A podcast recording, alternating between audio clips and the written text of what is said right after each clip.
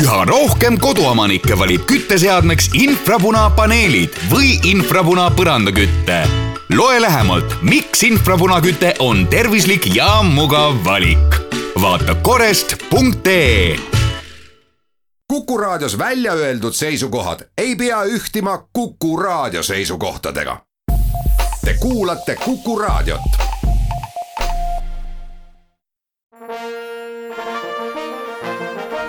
Vanemuise veerand. tere kõigile! käes on Vanemuise juttude aeg, Kuku raadio stuudios on saatejuht Tiiu Rööp. me plaanime tänase saatega rääkida Vanemuise balletihooajast, vaatame tagasi, aga suuname ka pilgu edasi tulevikku. tere, Vanemuise balletijuht, tere, Mare Toomingas! tere! Vanemuise balletitrupp on rahvusvaheline. kas Vanemuise balletiartistid sõitsid Eestist ära, on nad praegu Eestis, tead sa seda? Jaa, ma tean äh, kaunis täpselt, kes kus on, et suurem osa trupist on ikkagi Eestis, nad otsustasid Eestisse jääda, kuna see olukord on nagu ta on, siis ei ole ka mõtet äh, paljudel üldse siit välja sõita, sest kui siin peab tagasi tulles veel karantiini minema, siis see on äh, lihtsalt vaimselt juba kurnav, nii et ma arvan, et nad tegid õige otsuse, sest tundub, et Eestis on väga turvaline olla praegu eriolukorra tõttu ei jõudnud publikuni noorte koreograafide õhtu. see pidi toimuma mai alguses. kas äh, nii, nagu selleks maikuuks oli planeeritud noorte koreograafide õhtu, kas see on lükkunud tulevikku või jääbki ta ära, nii kurb, kui seda ei ole küsida? Eh, jah, et äh, praegu on ka kurb vastata, et teater on teinud tegelikult mitte terve järgmise hooaja plaani, vaid on teinud ainult pool sellest plaanist. ja tegelikult me tagantjärgi kõiki neid ärajäänud asju enam äh, uuesti ei saa planeerida, siis me ei saa äh, nagu järgmise hooajas äh, planeeritud asjadega jälle edasi minna, et ma arvan äh,, et tuleb äh, kunagi ta tuleb ikka, et kas ta tuleb siis ülejärgmine hooaeg, aga kuna meil järgmisesse hooaega kevadesse oli planeeritud siis kolm lühipalleti suurel laval, üks neist pidi tulema noorte koreograafide õhtust, nii-öelda võidutöö, siis mingil määral äh, see plaan teostub ja, ja, ja mõneti ka mitte, et sellest õhtust, mis ära jäi, ma muidugi seda tööd ei saa võtta, ei oleks aus teiste suhtes, aga selles õhtus tuleb äh, Jack Traylani lühipallett, äh, sest tema oli kahe tuhande kaheksateistkümnenda aasta võitja, tuleb külalisena Jevgeni Kriib, me oleme teda väga kaua oodanud, ta on meil äh, teinud väga toreda tangonumbri meie trupi jaoks, mida me oleme erinevatel galadel tantsinud. Ja siis ma pean äh, tegema keerulise otsuse, et kellele siis äh, pakkumine teha, noortest koreograafidest ikkagi.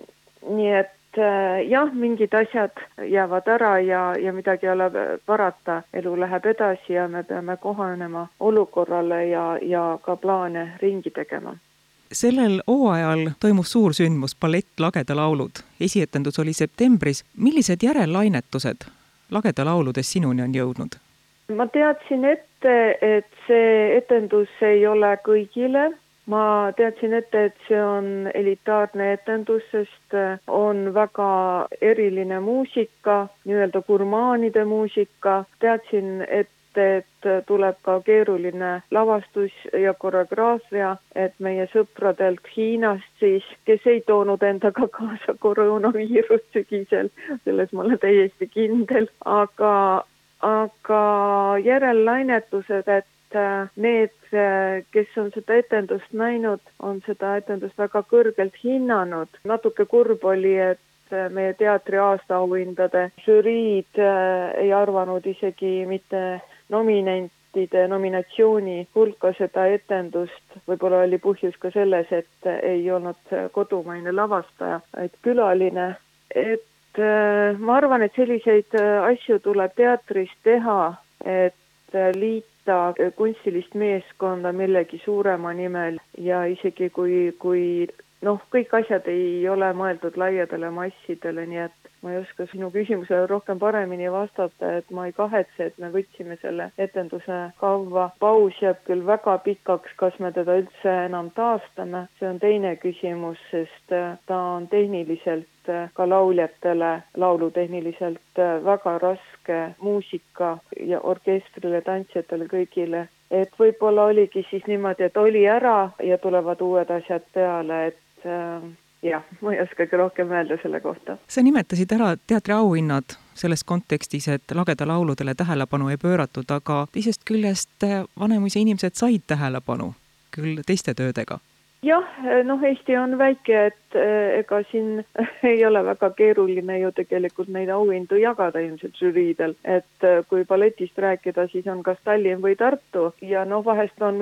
kurb, et sel aastal just ei saanud eh, näiteks meie trupitantsija mingi preemia, kui ta oleks võinud saada. nüüd see aasta Ramita Rutšonite, meie balletitrupi solist, sai selle preemia ja ma arvan, et see ei ole mitte ühe töö eest, et et äh, ma võiksin öelda isegi, et see on nagu elutööpreemia, sest ta on üle kümne aasta meil trupis tantsinud pärast seda, kui ta Vilniuse balletikoolist meile tuli. igati välja teenitud auhind ja nagu televiisori vahendusel võis näha, et me suutsime ka seda auhinda nagu tema eest saladuses hoida. meelitasime ta raskel ajal lavale duetti tantsima Romeost Juliast ja ta ise ei teadnudki, mille jaoks seda vaja oli, nii et, et see tema rõõmupisarad olid nii siirad ja see oli nii väga liigutav. mul oli väga hea meel, et ta selle tunnustuse sai, et ta on tegelikult võib öelda, et terve oma elu olnudki ju meie laval. Vanemuise lava on ainuke tema lava olnud ja, ja tunnustus oli väga ilus. tunnustuse pälvis ka lastelavastus Klaabu no Janek Savalaineni ja, ja Katrin Pärna puhul jällegi ma ütleks seda, et see oleks ka nagu mitme asja eest ka takkajärgi saadud auhind. ma, ma arvan, et selle auhinna alla käivad ka nende esimene lavastus Kunksmoor, siis Naksitrallid ja, ja nüüd Klaabu, mis teeb Klaabu eriliseks, et Klaabu tantsijad, näitlejad on kõik Vanemuise tantsuballetikooli õpilased, seal ei ole ühtegi täiskasvanut, nii et äh, neil on kujunenud selle etendusega tohutu vastutus ja, ja kontsentratsioon, et seda etendust välja kanda. Ja nad on siiamaani sellega väga hästi hakkama saanud, nad on tohutult arenenud, nad tunnetavad, mis asi on publik, kui erinev võib olla publik, kuidas see mõjutab lavale ülesastumist, nii et jälle rõõm Vanemuise balletitrupp käis märtsi alguses Kiievis ringreisil ja nüüd tuleb tunnistada, et puhtalt saatejuhi süül ei ole me sellest varem Vanemuise veerandis rääkinud. kui suur trupp käis Kiievis ringreisil oh,? las ma mõtlen, see oli just vahetult enne, kui tuli see olukord meil. palju meid oli, kuskil ütleme, et viisteist inimest kokku, kaasa arvatud mina ja, ja Kristiina Alliksaar, et see oli Eesti saatkonna kutse tulla tähistama Kiievisse siis Eesti Vabariigi sünnipäeva. Nad olid rentinud äh, päris korraliku teatri Kiievi äh, kesklinnas, vastuvõtt oli suurejooneline, seal olid vist kõik suursaadikud, kes Ukrainas on, lisaks äh, sponsorid, külalised, et väga rahvusvaheline publik oli ja me andsime pooleteisetunnise galakontserti, oli nii klassikat, neoklassikat kui kaasaegseid numbreid, et selline jah, kiire sõit oli ja just selline napp, et viimane reis välismaale, lennukis veel meid kontrolliti ka, et et kas meil on palavik või, või on keegi seal haige, aga me läksime ilusti sinna ja tulime ilusti tagasi ja, ja sellega see hooaeg lõppeski. uuel hooajal esietendub Vanemuises lasteballett Tilda ja tolmuingel. selle aluseks on Andrus Kivirähki raamat. Palju sa praegusel hetkel soovid rääkida Tildast ja tolmuinglist?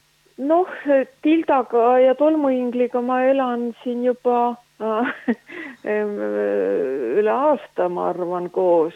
esiteks on ta mul ka nagu füüsilisel kujul täiesti olemas minuga siin maakodus. raamatukunstnik, kes on ka etenduse kunstnik, Irina Šabarova, tema tegi mulle minu enda tolmuingli, nii et mul on ta täiesti olemas, et ma saan temaga täiesti juttu rääkida ja õla peale istuma panna. sellest võiks väga pikalt rääkida. ühtepidi on ta nagu lasteetendus, teistpidi puudutab ta väga sügavuti iga täiskasvanut, et äh, selles raamatus äh, on põiminud äh, lastemaailm suurte maailmaga ja kõige olulisemal kohal on minu jaoks mälestuse teema, et Andrus on ilusasti andnud mälestuse kujundi, mäletamise kujundi tolmukübemele. Ta on nimetanud selle tolmukübeme tolmuingliks ja peategelane väike tüdruk Tilda, kes on äh, kaotanud äh, oma isa, kui ta väike oli, elab emaga, loomulikult äh, on tal teinekord kurb, igav, ta tunneb ennast üksikuna, ta tunneb puudust, et temal on kiire, et temal ei ole aega tema jaoks, ta ei mäleta ka täpselt, milline tema isa välja nägi, mingid mälestused on kaduma läinud ja mingeid mälestusi ema ei taha mäletada, aga hetkel, mil tolmuingel tema juurde tuleb, hakkavad need mälestused elustuma ja mitte ainult selle väikse tüdruku mälestused, vaid ka paljude tegelaste mälestused, neid värvikaid tegelasi on etenduses hästi palju ja mul on väga hea meel, et, et nad ei jää algusest lõpuni oma ühte karakterisse, vaid me näeme iga karakteri puhul, iga täiskasvanud karakteri puhul, kuidas ta avaneb ja me näeme tema sisemist mina, tema tegelikku kirge või unistust, tema mälestust lapsepõlvest. Ja etenduses on ka pahategelane, kes unistab sellisest maailmast, kus ei ole tolmu, kus ei ole värve, kus ei ole mälestusi, kus on kõik steriilne, inimesed käivad maskides, natukene assotsieerub praeguse olukorraga kahjuks, aga lõpuks ikkagi selles linnas mälestused võidavad ja, ja värvid tulevad linna tagasi ja Tilda ja tema ema on jälle koos ja nähtamatult nende vahel on ka Tilda isa. niisugused said sel korral Vanemuise veerandi jutud. saatejuht tänab Vanemuise balletijuhti, aitäh, Mare Tomingas, vestluse eest! aitäh kõigile teile, head Kuku raadio kuulajad, jälle kuulmiseni nädala pärast! Vanemuise veerand